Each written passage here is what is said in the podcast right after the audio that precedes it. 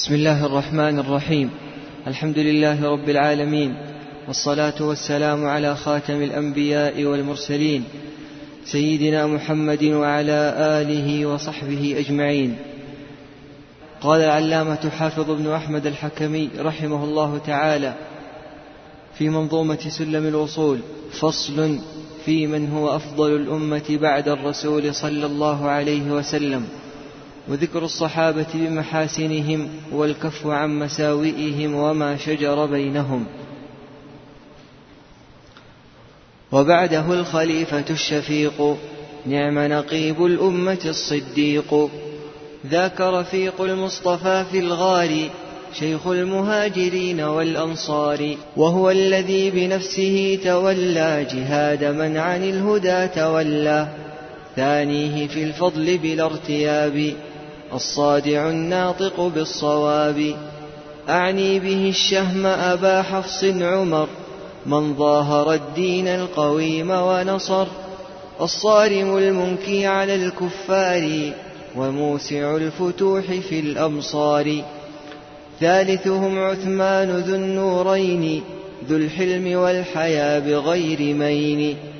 بحر العلوم جامع القرآن منه استحت ملائك الرحمن. بايع عنه سيد الأكوان بكفه في بيعة الرضوان. والرابع ابن عم خير الرسل أعني الإمام الحق ذا القدر العلي. مبيد كل خارجي مارق وكل خب رافضي فاسق. من كان للرسول في مكان هارون من موسى بلا نكران لا في نبوة فقد قدمت ما يكفي لمن من سوء ظن سلما فالستة المكملون العشرة وسائر الصحب الكرام البررة وأهل بيت المصطفى الأطهار والتابعوه السادة الأخيار فكلهم في محكم القرآن أثنى عليهم خالق الأكوان في الفتح والحديد والقتال وغيرها بأكمل الخصال.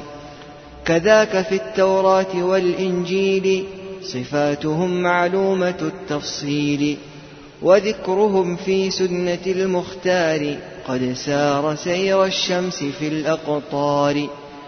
ثم السكوت واجب عما جرى بينهم من فعل ما قد قدرا فكلهم مجتهد مثاب وخطئهم يغفره الوهاب. قال رحمه الله فصل في من هو أفضل الأمة بعد الرسول صلى الله عليه وسلم وذكر الصحابة بمحاسنهم والكف عن مساوئهم وما شجر بينهم. بسم الله الحمد لله والصلاة والسلام على رسول الله. أراد المؤلف رحمه الله تعالى بهذا الفصل أن يبين معتقد أهل السنة والجماعة في أصحاب النبي عليه الصلاة والسلام. والصحابي هو من اجتمع بالنبي عليه الصلاة والسلام مؤمنا به ومات على ذلك ولو تخللته ردة على أصح الأقوال. الأمة أمة النبي صلى الله عليه وسلم. هذه الأمة هي أفضل الأمم لأن الله سبحانه وتعالى قال كنتم خير أمة أخرجت للناس. وأفضل إذا هذه الأمة هي أفضل الأمم.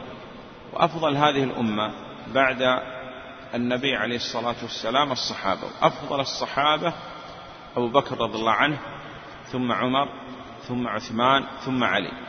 لأن النبي عليه الصلاة والسلام قال كما تكونون يولى عليكم. إذا هذه الأمة أفضل الأمم ولأن الله سبحانه وتعالى قال كنتم خير أمة أخرجت للناس. وأفضل الأمة بعد النبي عليه الصلاة والسلام الصحابة. وأفضل الصحابة على ما ذكرنا أبو بكر ثم عمر ثم عثمان ثم علي. وهؤلاء هم الخلفاء بعد النبي عليه الصلاة والسلام وأجمعت الأمة على خلافتهم. ومن طعن كما قال الإمام أحمد رحمه الله تعالى وكذلك قال شيخ الإسلام من طعن في خلافة واحد من هؤلاء أو قال أن بعضهم أولى بالتقديم من بعض فهو أضل من حمار أهله أي ضال مضل. نسأل الله السلامة والعافية. والأصل أن طريقة أهل السنة والجماعة ذكر محاسن الصحابة والسكوت عما بدر وشجر بينهم. لأن ابن القيم ذكر في كتاب الطب في الزاد أن أن بعض الناس قال أصحاب محمد صلى الله عليه وسلم رضي الله عنهم مثلهم مثل العين ودواء العين ترك مسها. إذا كان عندك ألم في العين فلا تفركها لأن زيادة كل ما تزيد في الفرق كل ما يزيد المرض والألم. فقال أصحاب محمد صلى الله عليه وسلم رضي الله عنهم مثلهم مثل العين وداء العين ترك مسه إذا لا تقربهم إلا بخير. الشعبي رحمه الله تعالى قال لو سألت اليهود من خير أصحابكم لم يتصوروا هذا الكلام مني زيادة. لم يتصور أن يكون خير القوم عندهم إلا الذين صحبوا موسى عليه الصلاة والسلام. تقول فلان مثلا في العصر الحاضر الآن تقول فلان من طلاب الشيخ بن باز رحمه الله تعالى. ماذا تتخيل أن يكون هذا الطالب؟ تخيل أن هذا الطالب من خيرة القوم. فقال الشعبي رحمه الله تعالى لو سألت اليهود من خير أصحابكم؟ لقالوا أصحاب موسى عليه الصلاة والسلام. ولو سألت النصارى من خير أصحابكم؟ لقالوا أصحاب عيسى عليه الصلاة والسلام أي الحواريين. ولو سألت الروافض قتلهم الله من شر أصحابكم؟ لقالوا أصحاب محمد عليه الصلاة والسلام. وأن يقول الكلام هذا يعني في شيء منه ذكره شيخ الإسلام ابن تيمية رحمه الله تعالى في العقيدة الواسطية أن من نظر إلى سيرة القوم أي الصحابة رضي الله عنهم بعلم وبصيرة. وما امتن الله سبحانه وتعالى عليهم كذا قال تبين أنه لا كان ولا يكون في الخلق مثلهم بل هم صفوة القرون لأنه هذه الأمة أفضل الأمم وأفضل الأمة بعد النبي عليه الصلاة والسلام الصحابة رضوان الله عليهم وعلى ما قدموا. الشيخ بن عثيمين رحمه الله تعالى يقول النظر على ما ذكر الآن أن السكوت واجب عما شجر بينهم.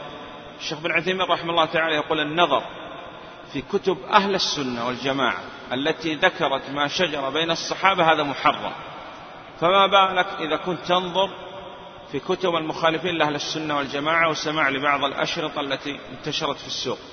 لأنه هذا لم يكن من هدي السلف أصلا. بل النظر يقول في كتب أهل السنة والجماعة يكون عند الضرورة فقط.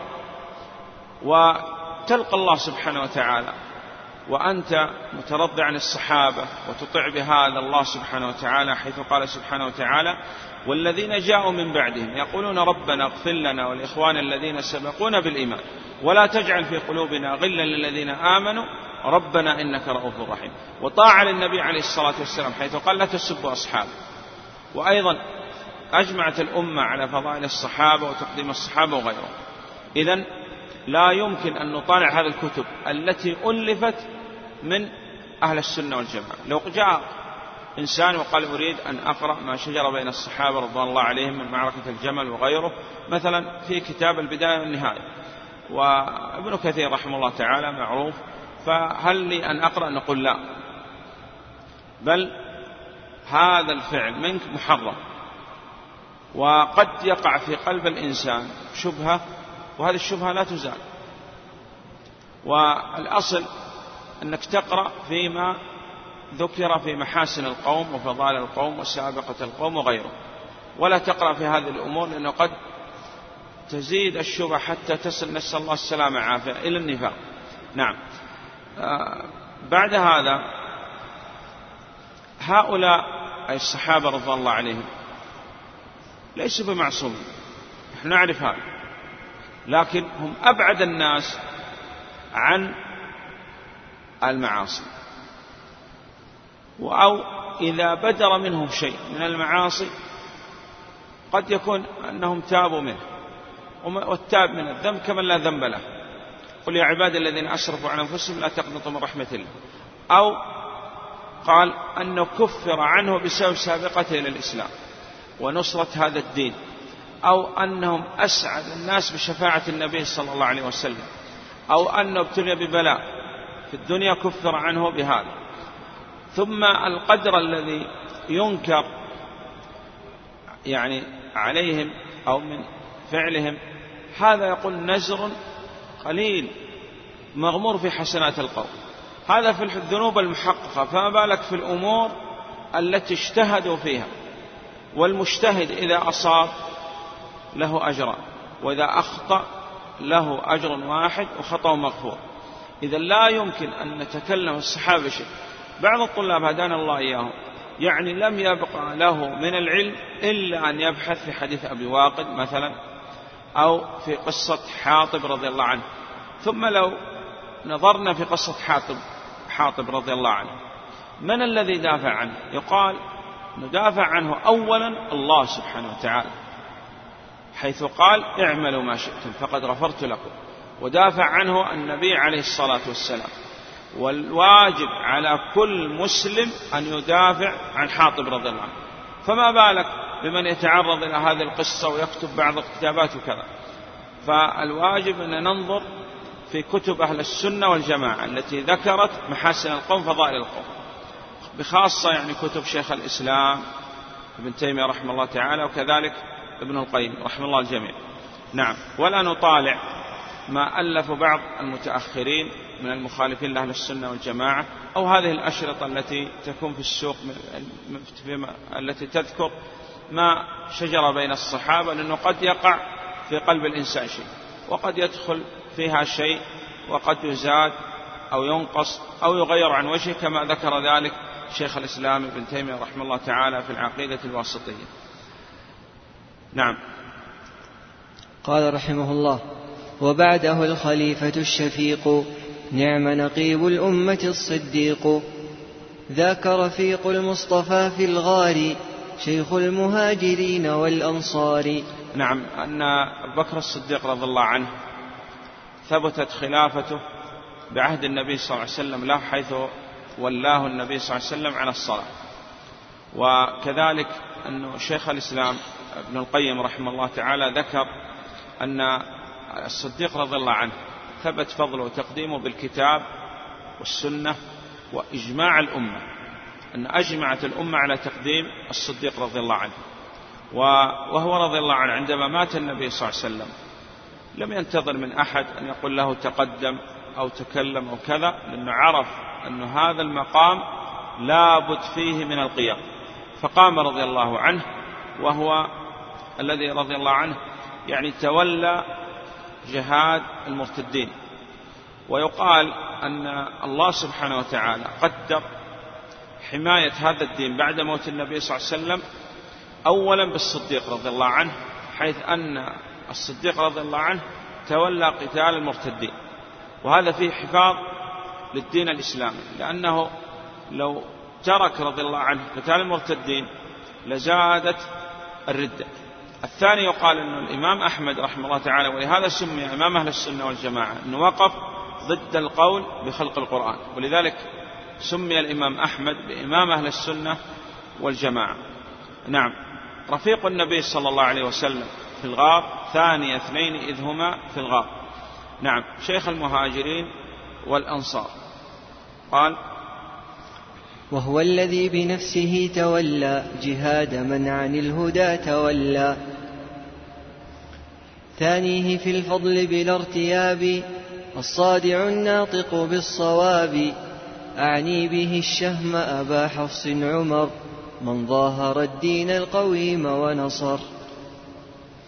الصارم المنكي على الكفار وموسع الفتوح في الأمصار آه، الثاني الخليفة الثاني بعد أبي بكر رضي الله عنه هو عمر رضي الله عنه. وعمر رضي الله عنه في في زمنه امتدت الفتوحات كما أخبر النبي عليه الصلاة والسلام وهو الصادق المصدوق. امتدت الفتوحات من المشرق إلى المغرب العربي. وهو الذي يعني أخرج اليهود من جزيرة العرب كما أمر بهذا النبي عليه الصلاة والسلام. وهو عليه آه، رضي الله عنه أنه عمر كان آه، قال على ما ذكر النبي صلى الله عليه وسلم أن الشيطان إذا رأى عمر يسلك في وادي فالشيطان يسلك وادي آخر.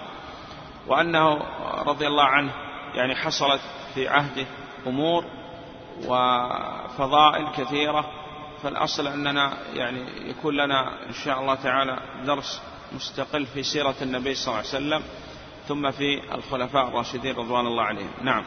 قال ثالثهم عثمان ذو النورين ذو الحلم والحياة بغير مين. بحر العلوم جامع القرآن منه استحت ملائك الرحمن. بايع عنه سيد الأكوان بكفه في بيعة الرضوان. الثالث هو عثمان رضي الله عنه. قبل أن يتولى عثمان رضي الله عنه الخلافة كان الأمر جعل عمر رضي الله عنه في ستة ثم بعد هذا يعني بقي التردد بين عثمان وعلي. لكن بعد أن بويع عثمان لا أحد يقول أنه أحق بالخلافة علي من عثمان رضي الله عنه. لأن ذكرنا من شكك في خلافة واحد من هؤلاء الأربعة فهو ظل من حمار أهله. إذا قبل أن تحصل البيعة لعثمان فقد توقف بعض الصحابة وبعضهم قدم علي وبعضهم قدم عثمان. لكن عندما حصلت البيعة لعثمان رضي الله عنه هذا دليل أن الأمة أجمعت على تقديم عثمان على علي في البيعة ولا يمكن لأحد أن يتكلم بعد إجماع الأمة. ثم بعد هذا جاء الخليفة بعد عثمان رضي الله عنه هو علي رضي الله عن الجميع. نعم. قال عثمان ذو النورين ذو الحلم معروف بالحلم والأناة. وكذلك الحياء قال عليه الصلاة والسلام ألا أستحي من رجل تستحي منه الملائكة؟ هو رضي الله عنه عرف بالعلم وأنه هو الذي جمع القرآن وهذا الذي يعرف اليوم بمصحف عثمان رضي الله عنه. وإن كان الجمع بدأ للقرآن في عهد أبو بكر رضي الله عنه. لكن هو الذي يعني أكمل هذا العمل الذي ابتدعه أبو بكر وعمر رضي الله عنهم. نعم. بايع عنه النبي عليه الصلاة والسلام في بيعة الرضوان لأن عندما دخل عثمان إلى مكة في الحديبية وسمع الناس أن عثمان قد قتل فأمر النبي عليه الصلاة والسلام بالبيعة وبايع النبي صلى الله عليه وسلم بيده عن عثمان وقال, وقال هذه عن عثمان رضي الله عنه. وفضائل عثمان رضي الله عنه مشهورة وهو ثالث الخلفاء الراشدين. نعم. والرابع ابن عم خير الرسل أعني الإمام الحق ذا القدر العلي. مبيد كل خارجي مارقي وكل خب رافضي فاسقي من كان للرسول في مكان هارون من موسى بلا نكران. ثم ذكر رابع الخلفاء الراشدين وهو علي رضي الله عنه ابن عم النبي عليه الصلاة والسلام وقال أن علي رضي الله عنه أباد الخوارج وكذلك رد على الروافض لأنهم أله علي رضي الله عنه وهو رضي الله عنه أجج نار وأراد إخافة هؤلاء لأنهم يعني سمع عنهم أنهم يؤلهون وأنهم يرفعوه فأجج النار وأراد أن يخوف هؤلاء من الدخول في النار فما رجعوا. إلا يعني من كان من أهل النفاق فقد فر و وبعضهم قال لا لا يعذب بالنار إلا رب النار وما ازددنا بك إلا إيمان نعم. وأيضا النبي صلى الله عليه وسلم قال أنت مني من منزلة هارون بموسى لموسى عليه الصلاة والسلام إلا أنه لا نبي بعدي. وقال هذا قد تقدم. وتقدم معنا أيضا أن كل من ادعى النبوة والرسالة بعد موت النبي صلى الله عليه وسلم فهو كاذب كافر وأن ثبوت الفضل الخاص لا يستلزم ثبوت الفضل العام بل أن علي رضي الله عنه وهذه المسألة ذكرها الشيخ الإسلام في العقيدة الواسطية أن علي رضي الله عنه كان إذا سئل عن أبي بكر وعمر وأنه يقدم وبايع وغيره فهذا دليل أنه يعترف بالفضل وبالتقديم وبالخلافة لأبي بكر وعمر. وكذلك عثمان رضي الله عن الجميع. نعم. فإذا الروافض يطيع علي كانوا حقا فالأصل أن يطيعوا في هذا في تقديم أبي بكر ثم عثمان ثم علي رضي الله عن الجميع. نعم. ثم ذكر أن من الصحابة الأصل أن الصحابة كلهم في الجنة. هذا من حيث الجملة. لأن الله سبحانه وتعالى قال وكلا وعد الله الحسنى الجنة. وعقيدة أهل السنة والجماعة أننا لا نشهد الإنسان بعينه أنه في جنة أو في نار إلا لمن شهد له الله أو شهد له النبي عليه الصلاة والسلام. ثم نشهد لأناس من الصحابة بأعيانهم أنهم من أهل الجنة. العشر مبشرين بالجنة. قال الخلفاء الأربعة ومعهم ستة. وكذلك أهل بيعة الرضوان وأهل بدر. وكذلك ثابت بن قيس وابن شماس وبلال رضي الله عنه وأمهات المؤمنين وغيرهم ممن شهد لهم النبي عليه الصلاة والسلام بأعيانهم أنهم من أهل الجنة. نعم. من كان للرسول في مكان هارون من موسى بلا نكران. لا في نبوة فقد قدمت ما يكفي لمن من سوء ظن سلما. فالستة المكملون العشرة وسائر الصحب الكرام البررة. هذا من حيث الجملة نشهد الأصل نشهد أن كل مؤمن في الجنة. والله سبحانه وتعالى قال وكلا وعد الله الحسنى. أي هذا في الصحابة رضوان الله عليهم أن كلهم في الجنة. هذا من حيث الإجمال. لكن من حيث التعيين أن لا نحكم للصحابي بعينه في الجنة إلا لمن شهد له الله سبحانه وتعالى أو شهد له النبي عليه الصلاة والسلام كالعشرة وأهل بيعة الرضوان وأهل بدر وثابت بن قيس بن الشماس أمهات المؤمنين وعكاشة وبلال رضي الله عن الجميع نعم. فالستة المكملون العشرة وسائر الصحب الكرام البررة وأهل بيت المصطفى الأطهار وتابعوه السادة الأخيار. أهل بيت النبي صلى الله عليه وسلم على الصحيح هم بنو هاشم ومواليهم وأزواج النبي عليه الصلاة والسلام. نعم. الذين تحرم عليهم الصدقة. نعم. فكلهم في محكم القرآن أثنى عليهم خالق الأكوان في الفتح والحديد والقتال وغيرها بأكمل الخصال. كذاك في التوراة والإنجيل صفاتهم معلومة التفصيل وذكرهم في سنة المختار قد سار سير الشمس في الأقطار. أثنى الله سبحانه وتعالى عليهم ورضي عنهم. تقدم معنا أن الطعن في الصحابة هو طعن في الله وفي دين الله وفي رسول الله عليه الصلاة والسلام وفي الصحابة. وأن فضائل القوم محاسن قال يعني لهم من السوابق والفضائل ما ليس لغيرهم.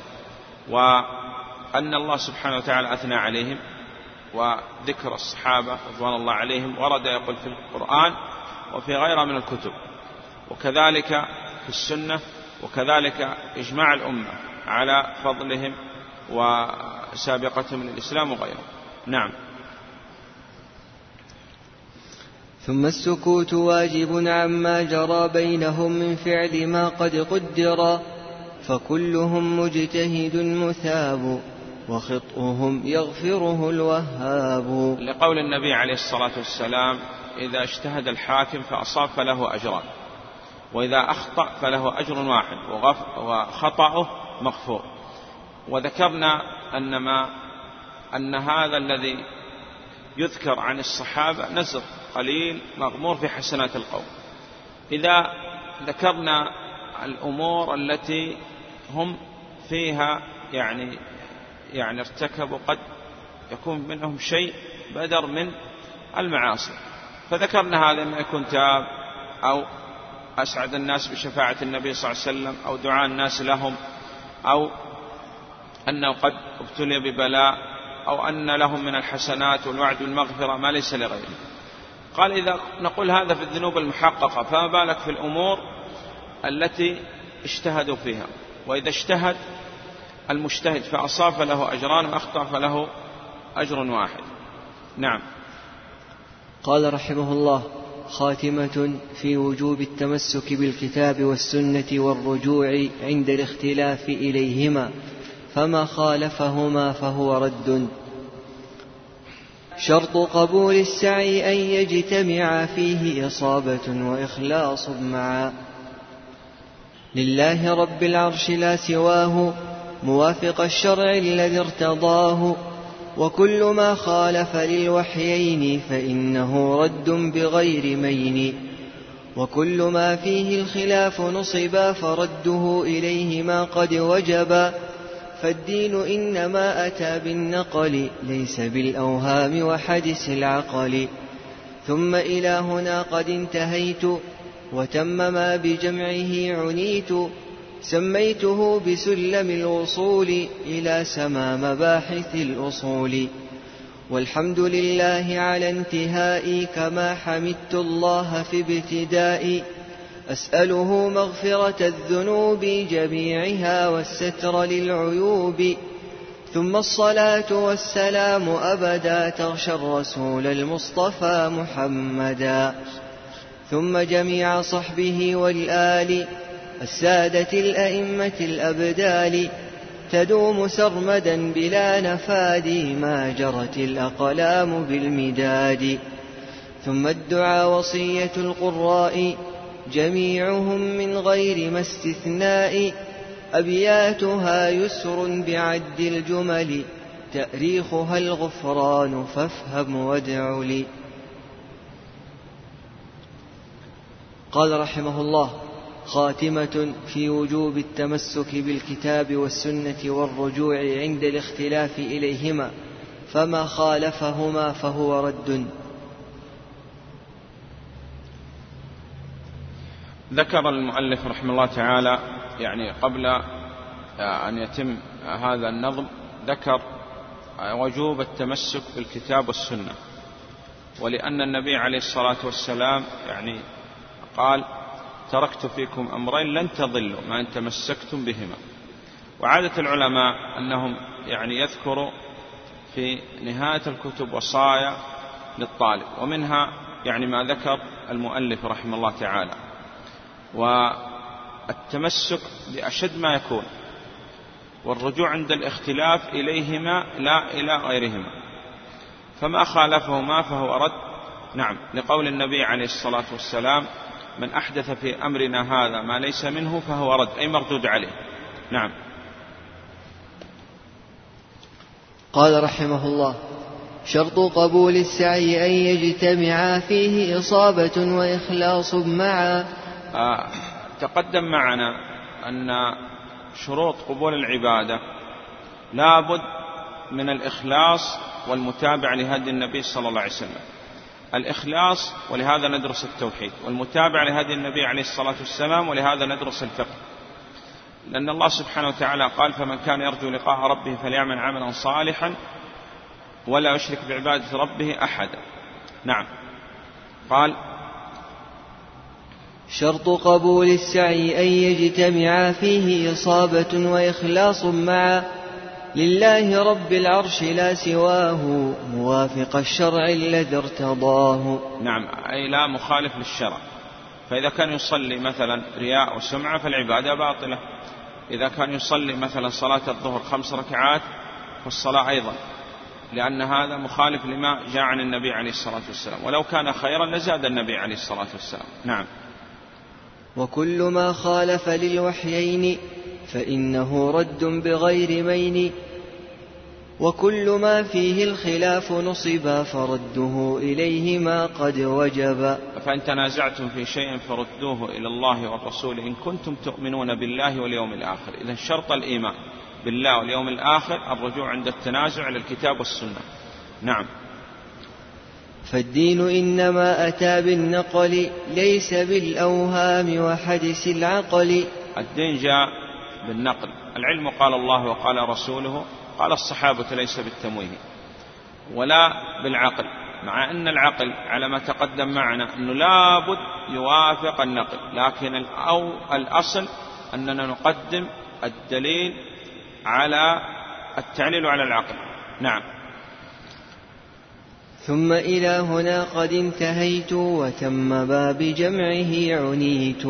آه، نعم يقول إلى هنا انتهى ما أراد وهذا من فضل الله سبحانه وتعالى. ثم أراد أن كما حمد الله سبحانه وتعالى في أول الكتاب لأن الله سبحانه وتعالى أنزل هذه المنزلة منزلة ورثة الأنبياء وأن حمد الله موجب لبقاء النعمة وأن الله سبحانه وتعالى قد أنعم عليه بأن كتب هذا المتن فلا بد من الحمد لأن النعمة ابتلاء وتحتاج إلى شكر. فكما حمد في أول الكتاب حمد في آخر الكتاب. وكما صلى على النبي عليه الصلاة والسلام لأنه هو السبب لأن لأن يأتينا كل خير في الدنيا وفي الآخرة. كذلك صلى على النبي عليه الصلاة والسلام في آخر الكتاب. وذكرنا أن العلماء يسموا كتب العقيدة إما بالعقيدة أو بالتوحيد أو بالأصول كما سماها المؤلف رحمه الله تعالى أو الاعتقاد أو الشريعة أو المنهج أو الطريقة أو السنة على ما ذكر علماء أهل السنة والجماعة. نعم. ثم إلى هنا قد انتهيت وتم ما بجمعه عنيت سميته بسلم الوصول إلى سما مباحث الأصول. والحمد لله على انتهائي كما حمدت الله في ابتدائي. قال كما كان الحمد في الأول لا بد يكون الحمد في آخر الكتاب. وحمد الله سبحانه وتعالى موجب لبقاء النعمة والحمد هو ذكر المحمود بجميل الصفات على وجه المحبة والتعظيم. لا الثناء لكن الحمد إذا تكرر أصبح ثناء. نعم. أسأله مغفرة الذنوب جميعها والستر للعيوب. آه، من السنة أن الإنسان بعد أن يفرغ من الصلاة يستغفر الله سبحانه وتعالى مع أن الصلاة هي عبادة. وقد يقول قائل أن الاستغفار يكون بعد المعاصي. لا هذا الكلام غير صحيح. ورد الاستغفار أدبار الصلوات المفروضة الخمس عن النبي عليه الصلاة والسلام لأنه قد يكون في صلاة العبد شيء من النقص فلا بد أن يستغفر. وكذلك أن الله سبحانه وتعالى قرن الاستغفار مع التوحيد. فاعلم أنه لا إله إلا الله واستغفر لذنبك وتقدم معنا أنه مهما يعني وحد الإنسان لا بد أن يكون في توحيد شيء من النقص. سبحانك لا أحصي ثناء عليك أنت كما أثنيت على نفسك. كذلك أمر الله سبحانه وتعالى النبي عليه الصلاة والسلام أن يستغفر وهذا دليل على ذنوب أجل النبي عليه الصلاة والسلام. إذا جاء نصر الله والفتح ورأيت الناس يدخلون في دين الله أفواجا فسبح بحمد ربك واستغفره إنه كان توابا. وقالت قالت عائشة رضي الله عنها كان رسول الله صلى الله عليه وسلم يكثر أن يقول في ركوعه وفي سجوده سبحانك اللهم ربنا وبحمدك اللهم اغفر لي. يتأول القرآن أن يعمل به. والمؤلف رحمه الله تعالى بعد أن كتب هذا الكتاب لابد أن يستغفر في آخر الكتاب على ما يعتقد هو لأنه قد يحصل له شيء من الخطأ أو الزلل وأبى الله سبحانه وتعالى أن يتم إلا كتابه وكذلك يعني كما قيل أنه من ألف فقد وضع عقله على طبق يعرض على الناس فيستغفر. الله سبحانه وتعالى ويسأل مغفرة الذنوب والغفر هو الستر مع التجاوز. والستر للعيوب كذلك. نعم. نسأل الله سبحانه وتعالى أن يغفر لنا وله وأن يستر عيوبنا. نعم. ثم بعد هذا صلى على النبي عليه الصلاة والسلام كما صلى في أول الكتاب صلى كذلك في آخر الكتاب. نعم. ثم الصلاة والسلام أبدا تغشى الرسول المصطفى محمدا. ثم جميع صحبه والآل السادة الأئمة الأبدال. نعم. تدوم سرمدا بلا نفاد ما جرت الأقلام بالمداد. ثم الدعاء وصية القراء جميعهم من غير ما استثناء. طلب الدعاء من الغير إذا كان فيه نوع افتقار فهذا نوع من أنواع الشرك الأصغر. وإذا كان الدعاء طلب الدعاء من الغير ليس في افتقار فهذا جائز ولا إشكال فيه. ثم يعني كأن المؤلف رحمه الله تعالى والله أعلم أنه أراد أن يبين أنه ليس أعلى منك مرتبة. وهذا من تواضع رحمه الله تعالى ويقول الدعاء وصية القراء جميعهم من غير ما استثناء فالأصل أن طريقة أهل السنة والجماعة في قراءة الكتب أو في قراءة الآيات والأحاديث أنهم إذا ذكروا الله سبحانه وتعالى يقول سبحانه وتعالى ويثنو على الله سبحانه وتعالى وينزل الله سبحانه وتعالى من كل نقص وعيب. وإذا ذكر الأنبياء والرسل عليهم الصلاة والسلام صلوا وسلموا عليهم وإذا آه، ذكر الصحابة ترضوا عنهم. وهذا فيه إخبار وإنشاء. يعني خبر أن الله سبحانه وتعالى رضي عنهم وإنشاء ندعو الله سبحانه وتعالى أن يرضى عنهم. وإذا ذكر العلماء الأموات نترحم عليهم. وهذا يعني اتباع لقول النبي عليه الصلاة والسلام حيث قال عليه الصلاة والسلام من صنع إليكم معروف فكافئوه. والمؤلف رحمه الله تعالى صنع إلينا معروف فالأصل أننا نكافئه ولا نقدر أن نكافئ هذا الإمام رحمه الله تعالى إلا بالدعاء له وهذا الذي أرشد إليه. فيصح طلب الدعاء بدون افتقار وإذا كان فيه نوع افتقار فهذا نوع من أنواع الشرك الأصغر. نعم. قال رحمه الله أبياتها يسر بعد الجمل تأريخها الغفران فافهم وادع لي. آه هذا من توفيق الله سبحانه وتعالى لهذا المؤلف رحمه الله تعالى أنه يعني ذكر أبيات هذه المنظومة وكذلك تاريخ الانتهاء منها وأن تاريخ الانتهاء فيه دعاء أيضا الغفران. فافهم وادع لي وكذلك قال يسر على أنها يعني فيها تيسير ولا تعقيد.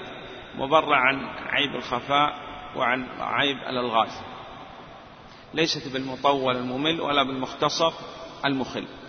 وهذا أي عد الجمل. فيه ما قال أن من تعلم أبا جاد. تعلم أبا جاد ينقسم إلى قسمين. قسم هو من أعمال السحرة. أنهم يكتبون الحروف المقطعة ويقصد بهذه الحروف الكفر بما جاء في الكتاب والسنة. فهم في العادة يكتب بعض الآيات ويكتب بعض بعدها حروف. والحروف هذه تعني الكفر بما تقدم. أو لها علاقة بسير النجوم ويكتب هذه الحروف في المثلثات أو في الخواتم أو في بعض الملابس وكذا. وهذا هو الذي من عمل السحرة. وعندهم كل حرف يعني شيء. كذلك الأرقام. أما طريقة يعني من عرف من أهل السنة والجماعة بأنه يحسب التواريخ بالأحرف وهذه الطريقة يعرفها المغاربة وبهذا يعني قد يسهل على الطالب حفظ تواريخ كثيرة فالألف يعني عندهم واحد والباء اثنين وهكذا إلى أن تصل إلى عشرة ثم بعد العشرة عشرين ثلاثين إلى مئة. وبعد المئة مئتان إلى ألف. فآخر شيء عندهم ألف. نعم والله أعلم هو الغيب. الغفران كم تساوي؟ كم تساوي عبد العزيز ألف وثلاثمائة واثنين وستين والله أعلم. نعم. لأن ابن سعدي رحمه الله تعالى قال عندما دعي لافتتاح المسجد الجامع جاء وقال هذه الأبيات. قال جد بالرضا وأعط المنى من ساعدوا أو شاركوا في ذا البناء أي المسجد. تاريخه حين انتهى قول المنيب أغفر لنا أي الغفران. 1362 أرخ ودعا في وقت واحد. نعم. وأما بالنسبة يعني لحساب هذا الحساب هو يعني مفيد للطالب. قد يحفظ تواريخ كثيرة قد تتابع عنها مثاله وفاة الأئمة الأربعة نظمها البعض بقوله آه لنعمانهم قال لنعمانهم أي أبو حنيفة رحمه الله تعالى لنعمانهم قال يعني توفي أبو حنيفة رحمه الله تعالى في قال وطعق لمالك وللشافعي در ورم لابن حنبل هذه وفاة الأئمة الأربعة في بيت واحد. كذلك يعني على ما تقدم معنا في نظم الورقات أنه ذكر هذا أيضا. قال قال رحمه الله تعالى في آخر النظم ذكر أن أبياتها در. وقال في عام ضاء ثم في عام طاء ثم ضاء ثم فاء ثاني شهر ربيع وضع المصطفى عليه الصلاة والسلام. قال أيضا البعض قال في نظم أصحاب الفروض الفروض المقدرة في كتاب الله ستة أن أصحاب النصف وأصحاب الربع والثمن والثلثان والثلث والسدس. قال ضبط ذوي الفروض من هذا الرجز خذها مرتبة وقل هبا دبز. هبا دبز هذه أصحاب الفروض الستة الهاء خمسة هم أصحاب النصف والباء اثنان أصحاب الربع والألف هم أصحاب الثمن الزوجة فأكثر وهكذا. فهم يعني يحسوا بهذا التواريخ. أبياتها يسر. اليسر الله أعلم أن الراء عندنا تساوي 200 والياء تساوي عشرة لأنه أبجد هوز حطي. الياء تساوي عشرة والراء تساوي 200 والسين خمسين. ستين؟ طيب. ستين ومئتين وعشرة تساوي